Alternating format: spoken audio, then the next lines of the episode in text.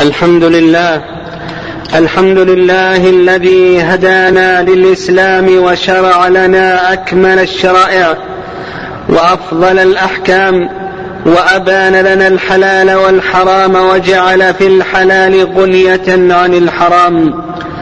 أحمده تعالى وأشكره وأسأله التجاوز عن جميع الذنوب والآثام وأشهد أن لا إله إلا الله وحده لا شريك له أحل البيع وحرم الربا وأشهد أن نبينا محمدا عبده ورسوله صلى الله عليه وعلى آله وأصحابه أولي الفضل والتقى وعلى من تبعهم بإحسان إلى يوم الدين. أيها المسلمون اتقوا الله تبارك وتعالى واشكروه على ما هداكم على ما هداكم للإسلام وأولاكم من الفضل والإنعام.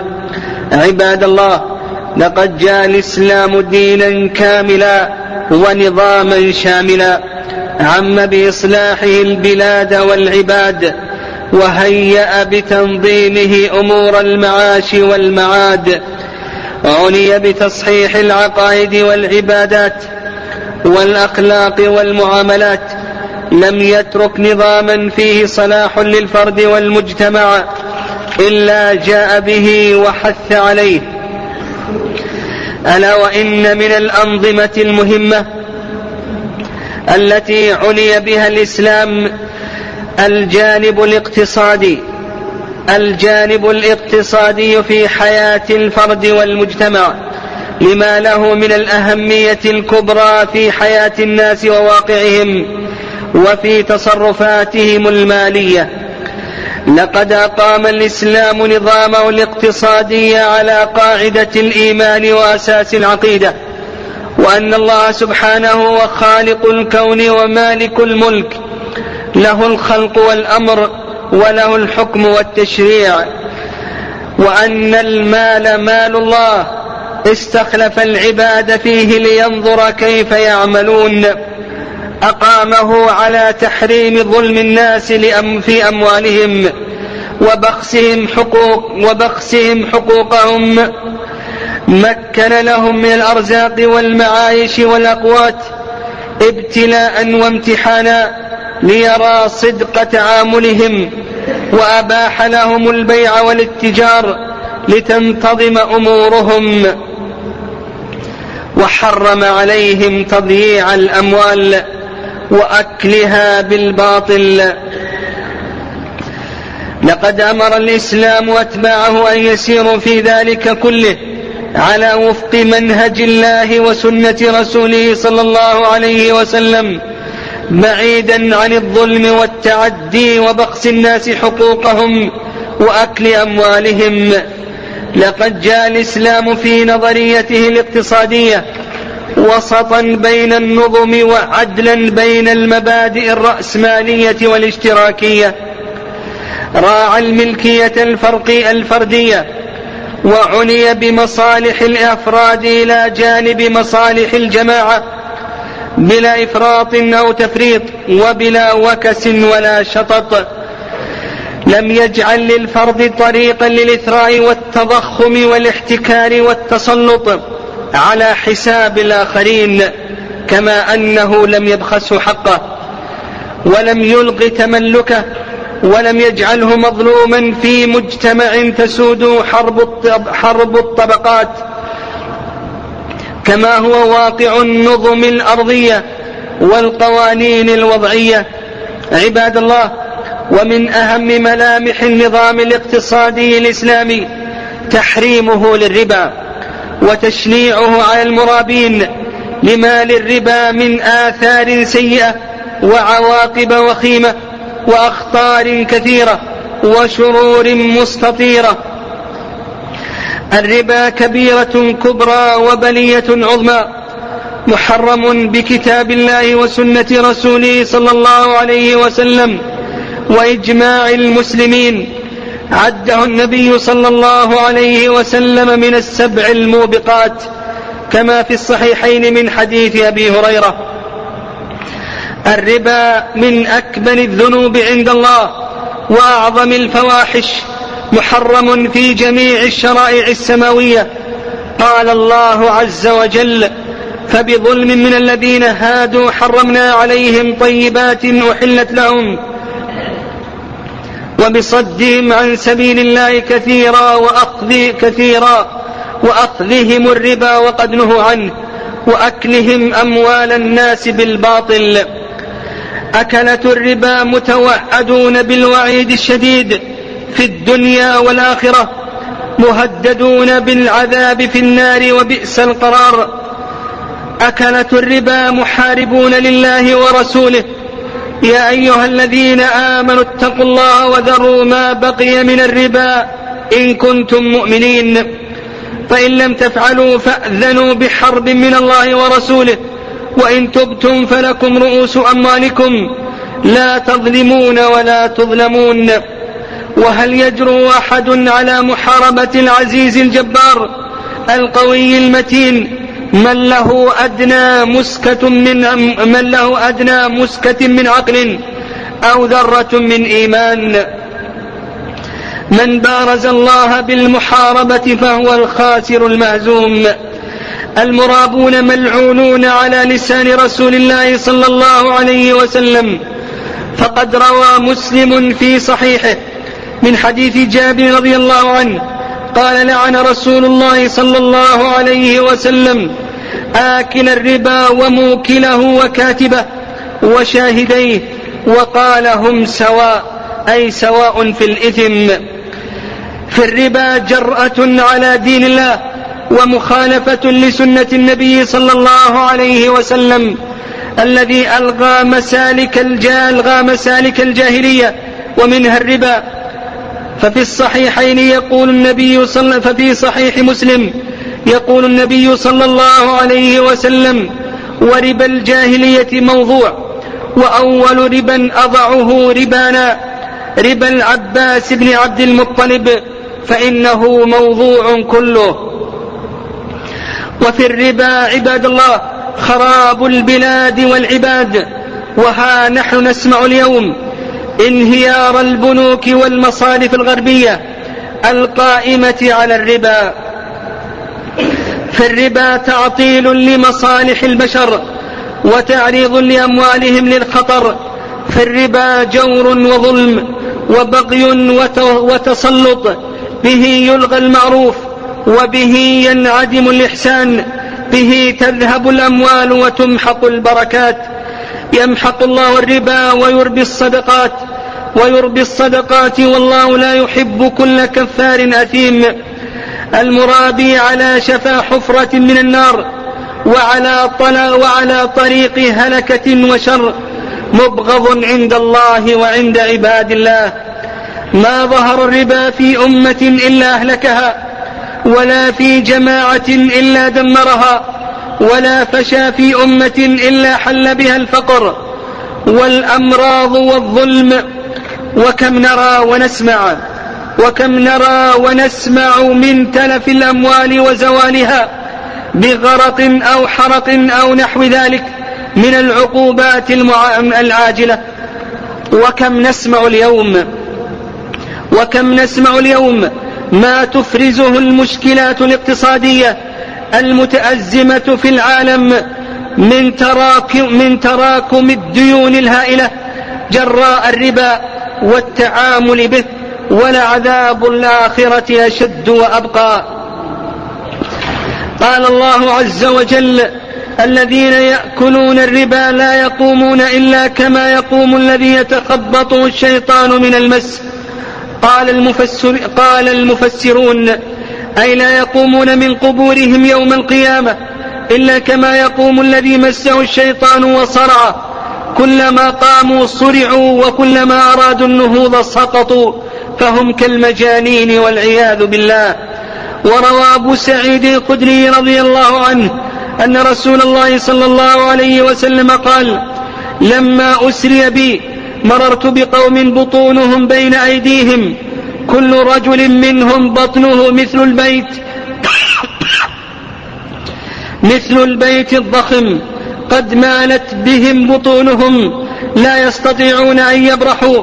كلما قاموا مالت بهم بطونهم. فقلت من هؤلاء يا جبريل؟ فقال هؤلاء أكلة الربا لا يقومون إلا كما يقوم الذي يتخبطه الشيطان من المس. وروى الإمام أحمد وابن ماجة عن أبي هريرة رضي الله عنه قال قال رسول الله صلى الله عليه وسلم أتيت ليلة أسري بي على قوم بطونهم كالبيوت فيها الحيات ترى فيها الحيات ترى من خارج بطونهم فقلت من هؤلاء يا جبريل فقال هؤلاء أكلة الربا وروى البخاري عن من حديث سمرة بن جندب رضي الله عنه أن رسول الله صلى الله عليه وسلم قال رأيت ليلة رأيت الليلة رجلين. رأيت الليلة رجلين أتياني فأخرجاني إلى أرض مقدسة فانطلقنا حتى أتينا على نهر من دم. فيه رجل قائم وعلى وسط النهر رجل بين يديه حجارة. فأقبل الرجل الذي في النهر فإذا أراد أن يخرج رمى الرجل بحجر في فيه. فرده حيث كان فجعل كلما جاء ليخرج رمى في فيه بحجر فيرجع كلما كان. فقلت ما هذا؟ فقال الذي رأيته في النهر آكل الربا. عباد الله ألا إن الربا من أعظم ما ابتليت به المجتمعات والدول. فالواجب على من أراد نجاته فالواجب على من أراد نجاته يوم العرض. يوم العرض على الله أن يحذره غاية الحذر ولا يغتر به المتساهلون الذين غرهم حب المال ولا يغتر بما عليه المتساهلون الذين غرهم حب المال. يقاسون أتعابه ويتحملون حسابه. لا يحملنكم الجشع والطمع على المعاملات المحرمة فاعتبروا يا أولي الأبصار. وما آتيتم من ربا ليربو في أموال الناس فلا يربو عند الله وما آتيتم من زكاة تريدون وجه الله فأولئك هم المضعفون فاتقوا الله عباد الله اتقوا الله أيها التجار اتقوا الله يا أرباب البنوك والمصارف دعوا الربا دعوا الربا واحذروا عذاب الله ونقمته إن من العار إن من العار على المسلمين أن يستبدلوا في أمور معاملاتهم الذي هو أدنى بالذي هو خير وأن يستمرئوا التعامل بالربا المحرم وهم حاملوا رايات الإصلاح للبشرية. كيف هم يرون اليوم؟ كيف وهم يرون اليوم؟ الأنظمة الوضعية تنهار وتتهاوى بين الفينة والأخرى. فالفرصة فرصة أهل الإسلام في عرض النظام الاقتصادي على البشرية وسيحظى بالنجاح وقد نجح كيف وهو تنزيل من حكيم حميد. اللهم إنا نعوذ بك من الربا ومن أكله وكتابته. يا ذا الجلال والإكرام. اللهم إنا نرزق نسألك رزقا حلالا طيبا. اللهم صل وسلم وبارك على نبينا محمد.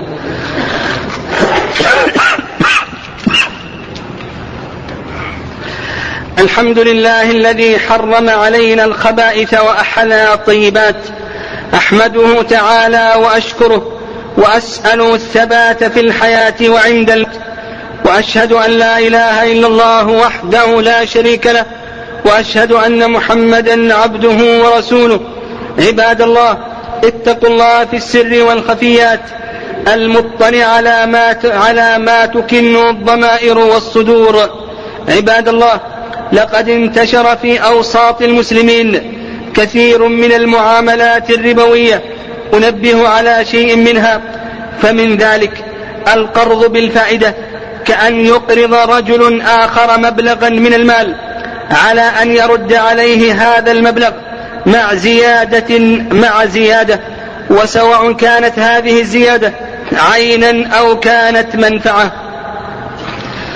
وكل قرض جر منفعة فهو ربا كما ورد عن الصحابة رضي الله تعالى عنهم. ومن ذلك الإيداع في المصارف بالفائدة. ومن ذلك أن يبيع الذهب بالتقسيط. ومن ذلك أن يبادل الذهب الجديد بالذهب القديم مع مع الزيادة فهذا كله داخل في الربا. ومن المعاملات الربوية ما يحصل عند صرف النقود بعضها ببعض عند مصارفة ريالات بريالات أو ريالات بجنيهات ونحو ذلك من عدم التقابض في المجلس فإن هذا محرم ومن الربا.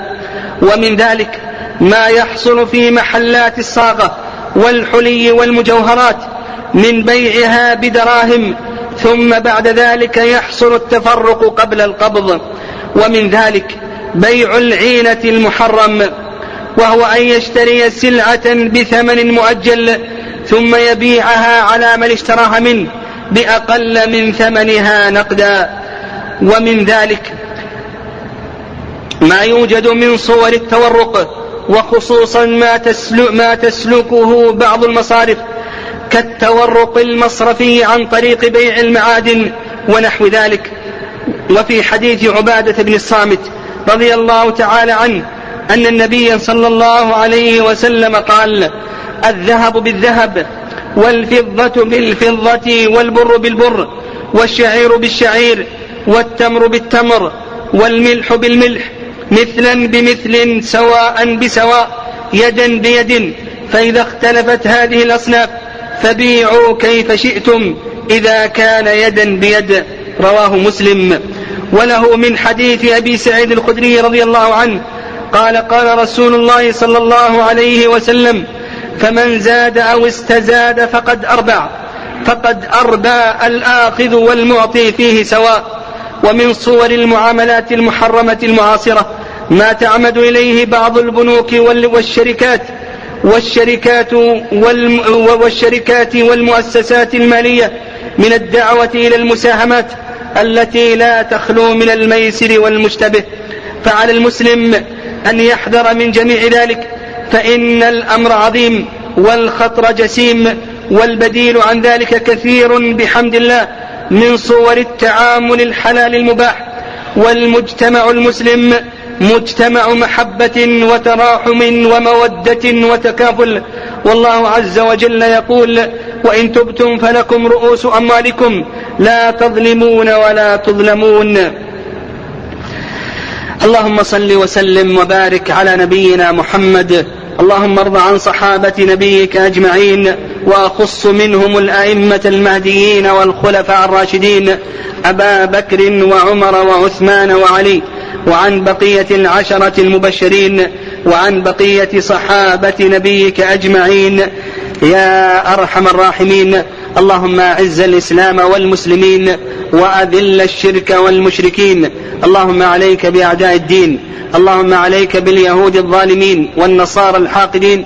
اللهم إنا ندرأ بك في نحورهم ونعوذ بك من شرورهم. اللهم اشف مرضى المسلمين. اللهم اشف مرضى المسلمين. اللهم اجعل ما أصابهم زيادة في حسناتهم ورفعة لدرجاتهم. وتكفيرا لسيئاتهم. اللهم اشف مرضى اللهم اغفر لموتى المسلمين. اللهم اغفر لهم وارحمهم. وعافهم واعف عنهم. وأكرم نزلهم. ووسع مدخلهم. واغسلهم بالماء والثلج والبرد. ونقهم من الذنوب والخطايا كما ينقى الثوب الأبيض من الدنس. اللهم آمنا في أوطاننا. اللهم آمنا في أوطاننا. وأصلح أئمتنا وولاة أمورنا. اللهم اجعلهم محكمين لكتابك وسنة رسولك محمد صلى الله عليه وسلم. آمنين بالمعروف ناهين عن المنكر. اللهم إنا نسألك الهدى والتقى والعفاف والغنى. اللهم إنا نسألك فعل الخيرات وترك المنكرات وحب المساكين وأن تغفرنا وترحمنا. وإذا أردت بقوم فتنة أن تقبضنا إليك غير مفتونين. اللهم أغثنا. اللهم أغثنا. اللهم أغثنا. اللهم أسقنا الغيث ولا تجعلنا من القانطين. اللهم سقيا رحمة. لا سقيا عذاب ولا هدم ولا غرق. اللهم صل وسلم.